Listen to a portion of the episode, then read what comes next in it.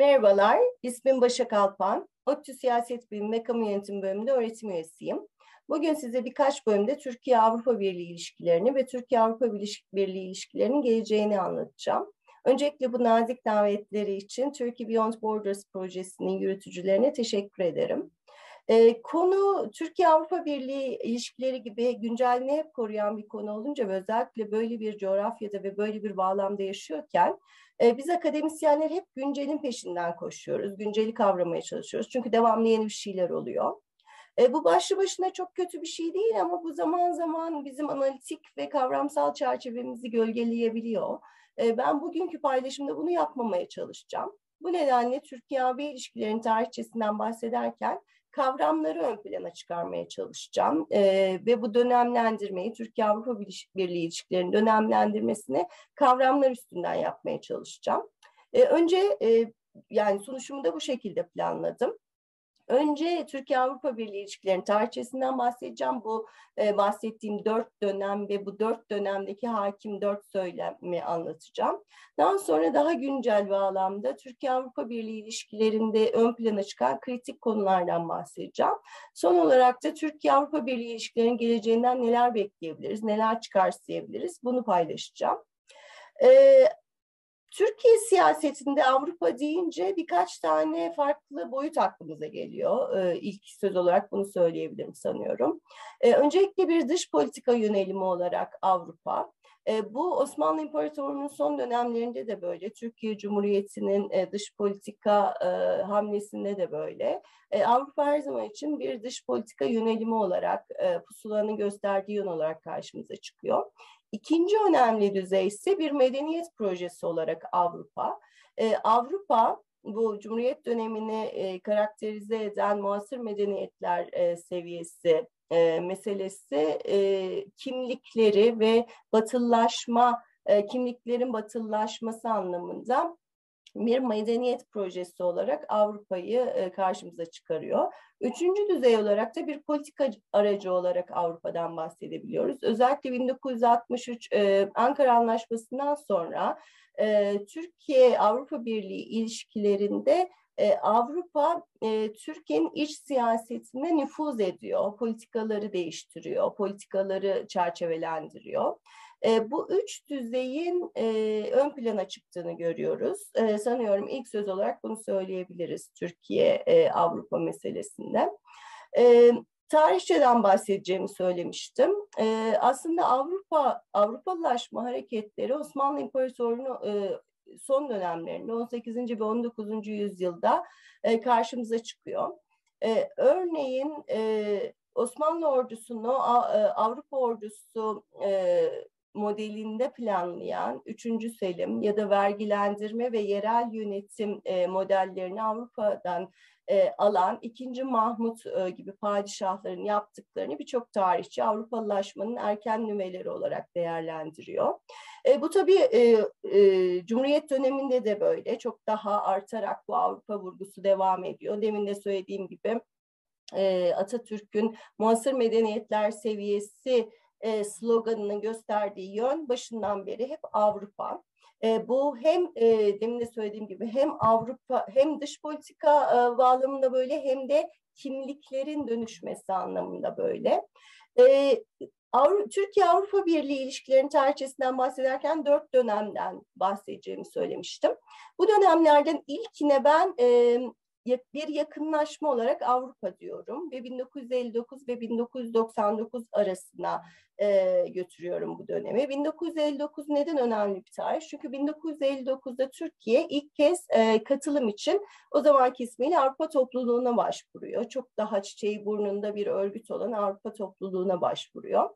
E, peki neden bir yakınlaşma olarak Avrupa? Çünkü Avrupa Türkiye'nin Batı kampına e, kabulünün doğal, doğal bir uzantısı olarak görülüyor. E, buradaki yönelimi hem kimliksel bir yönelim, demin bahsettiğim muasır medeniyetler seviyesine e, yakınlaşma çerçevesinde bir yönelim, hem de ekonomik bir yönelim olarak e, e, açıklayabiliriz. Çünkü iktidardaki Demokrat Parti'nin dışa açılma, ekonomik hamlelerde Batı ile bütünleşme vurgusu çok yoğun. ama bu birinci dönemden bahsederken şunu da göz ardı edemeyiz. Bu dönem e, gitgellerle dolu bir dönem. Yani zaman zaman çok iyi gidiyor ilişkiler. Zaman zaman çok kötü. Onu da zaten az sonra e, anlatacağım.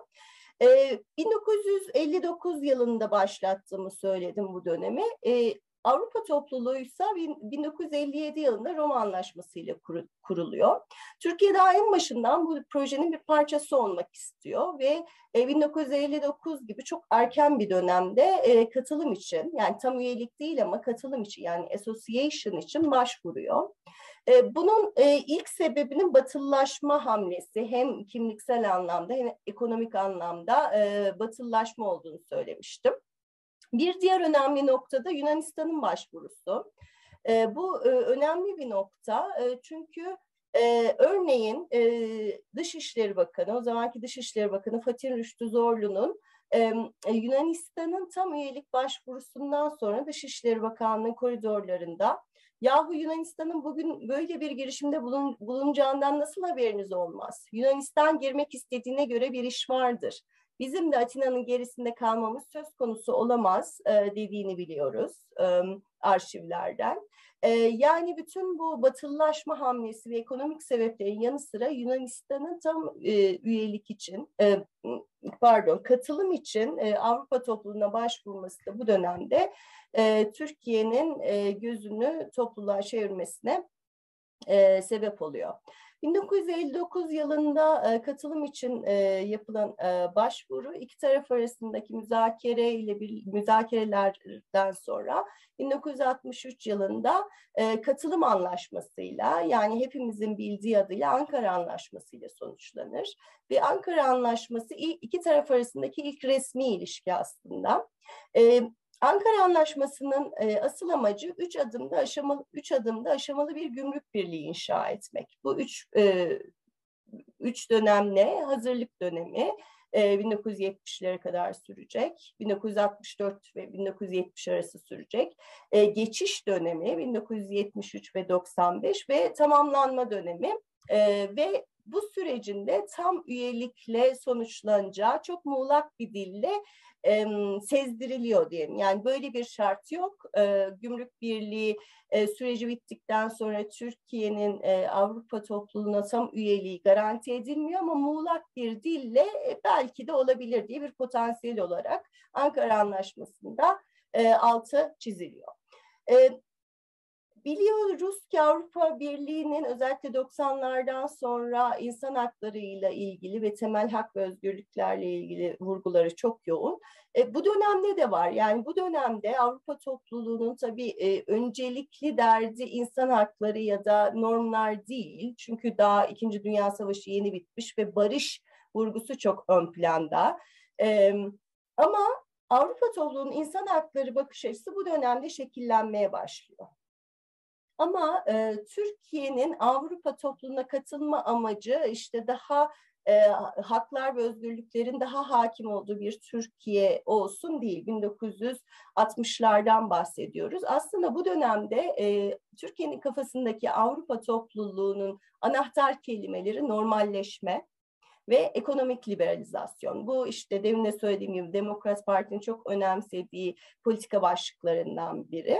Ee, aslında demokratikleşme meselesi hiç e, söylenmiyor değil, demokratikleşme hiç e, telaffuz edilmiyor değil.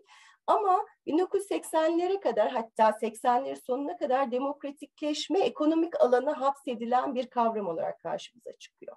Bu anlamda bu erken dönemdeki tam katılım başvurusunu e, ekonomik liberalizasyon çerçevesinde okuyabiliriz. E, demokratikleşme ve temel hak ve özgürlüklerden ziyade. 1963 yılında Ankara Anlaşması imzalanıyor ama 1970'lerde e, çok e, farklı sebeplerden dolayı e, hem ulusal hem küresel bağlamda birçok sebepten dolayı ilişkiler çok bozuluyor. Tabii bunda Avrupa toplumunun kendi problemleri de var. Bu döneme e, Avrupa topluluğunun kendi literatüründe e, Eurosklerosis deniyor. Çünkü e, Avrupa topluluğu e, kurumları işleyemez hale geliyor. Zaten e, OPEC krizinin yani e, petrol krizinin e, getirdiği bir ekonomik kriz söz konusu. Avrupa Sosyal Refah Devleti'nin e, aşındığı ve aslında ekonomik krizin bütün suçunun e, Avrupa Avrupa Refah Devleti'nin omuzlarına yüklendiği bir döneme e, giriyor Avrupa topluluğu. E, bu dönemde Türkiye ile ilişkilerde e, hiçbir şey olmuyorsa bile tavsiyor.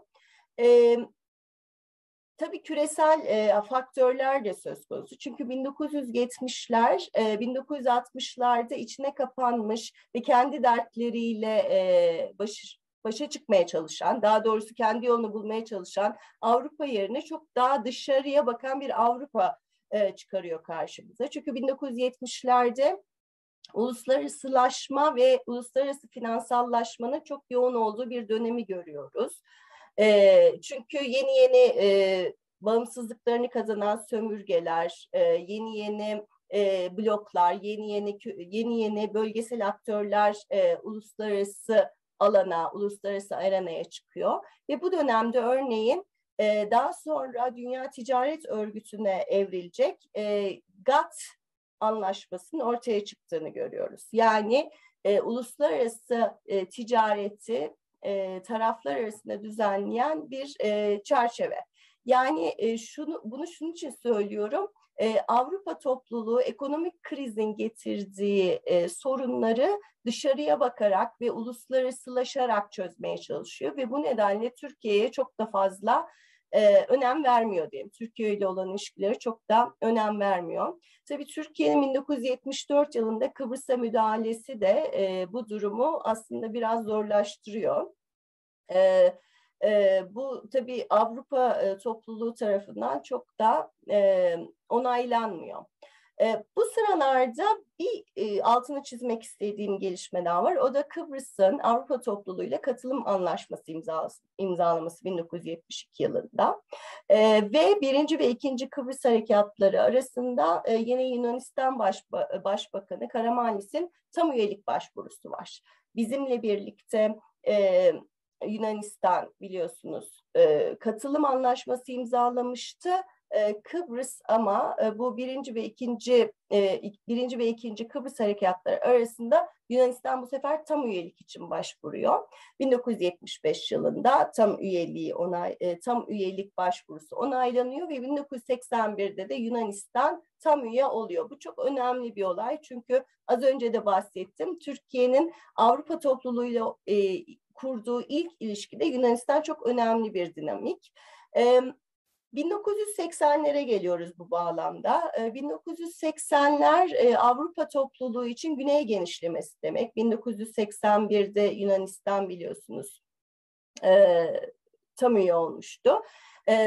Yunanistan'ı İspanya ve Portekiz izliyor. Yunanistan, İspanya ve Portekiz gibi e, otoriter rejimlerle yönetilen ülkelerin Avrupa topluluğuna dahil edilmesi ilk defa demin bahsettiğimiz demokratikleşme meselesinin sadece ekonomik e, açılımla ilgili olmayacağını aslında gösteriyor ve daha sonra e, Avrupa topluluğunun Doğu, Merkez ve Doğu Avrupa ülkelerine bakışını, demokratikleşme bakışını temellendiriyor. Demek ki şunu anlıyoruz. Demek ki e, Avrupa topluluğu bir demokratikleşme çıpası olarak görev yapabilir. Bunu Yunanistan, e, e, İspanya ve Portekiz genişlemesinde görüyoruz. 1980'lere geldik dedim. E, 1980'ler Avrupa topluluğu için güney genişlemesi ve e, ortak pazarın e, tamamlanması demekken e, tabii Türkiye için 12 Eylül 1980 darbesi e, çok önemli bir e, yer tutuyor Türkiye'nin e, kendi tarihsel e, e, kendi e, tarihinde.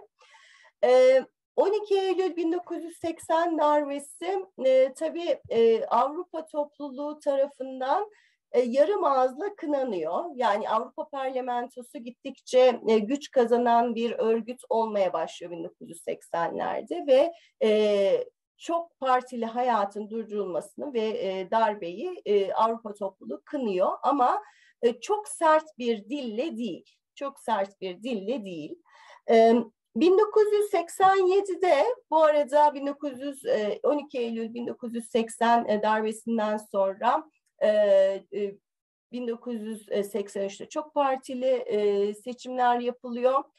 Özal ekonomik liberalizasyon, demin bahsettiğimiz Demokrat Parti'nin önem verdiği demokra- ekonomik liberalizasyon çok daha ileri bir seviyeye taşıyor. Ve 1987 yılında ilk tam üyelik başvurusu geliyor. E, bu nasıl bir dönemde geliyor?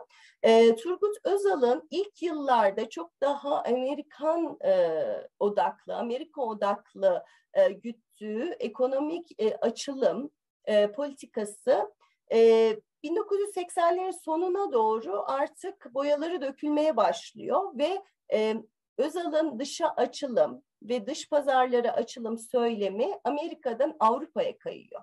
Bu nedenle 80'lerin sonuna doğru 1987'de ilk tam üyelik başvurusunun gelmesi çok sürpriz değil e, eğer bu şekilde e, okursak. E, 1989 yılında bu e, ilk tam üyelik başvurusu Türkiye'nin reddediliyor. E, Türkiye'nin işte böyle bir üyeliğe hazır olmadığı söyleniyor Avrupa Komisyonu tarafından. E, 1990'lara geldiğimizde e, Soğuk Savaş sonrası çıkarların ve e, kimliklerin yeniden tanımlandığı bir e, dünyayla, bir bölgeyle karşılaşıyoruz.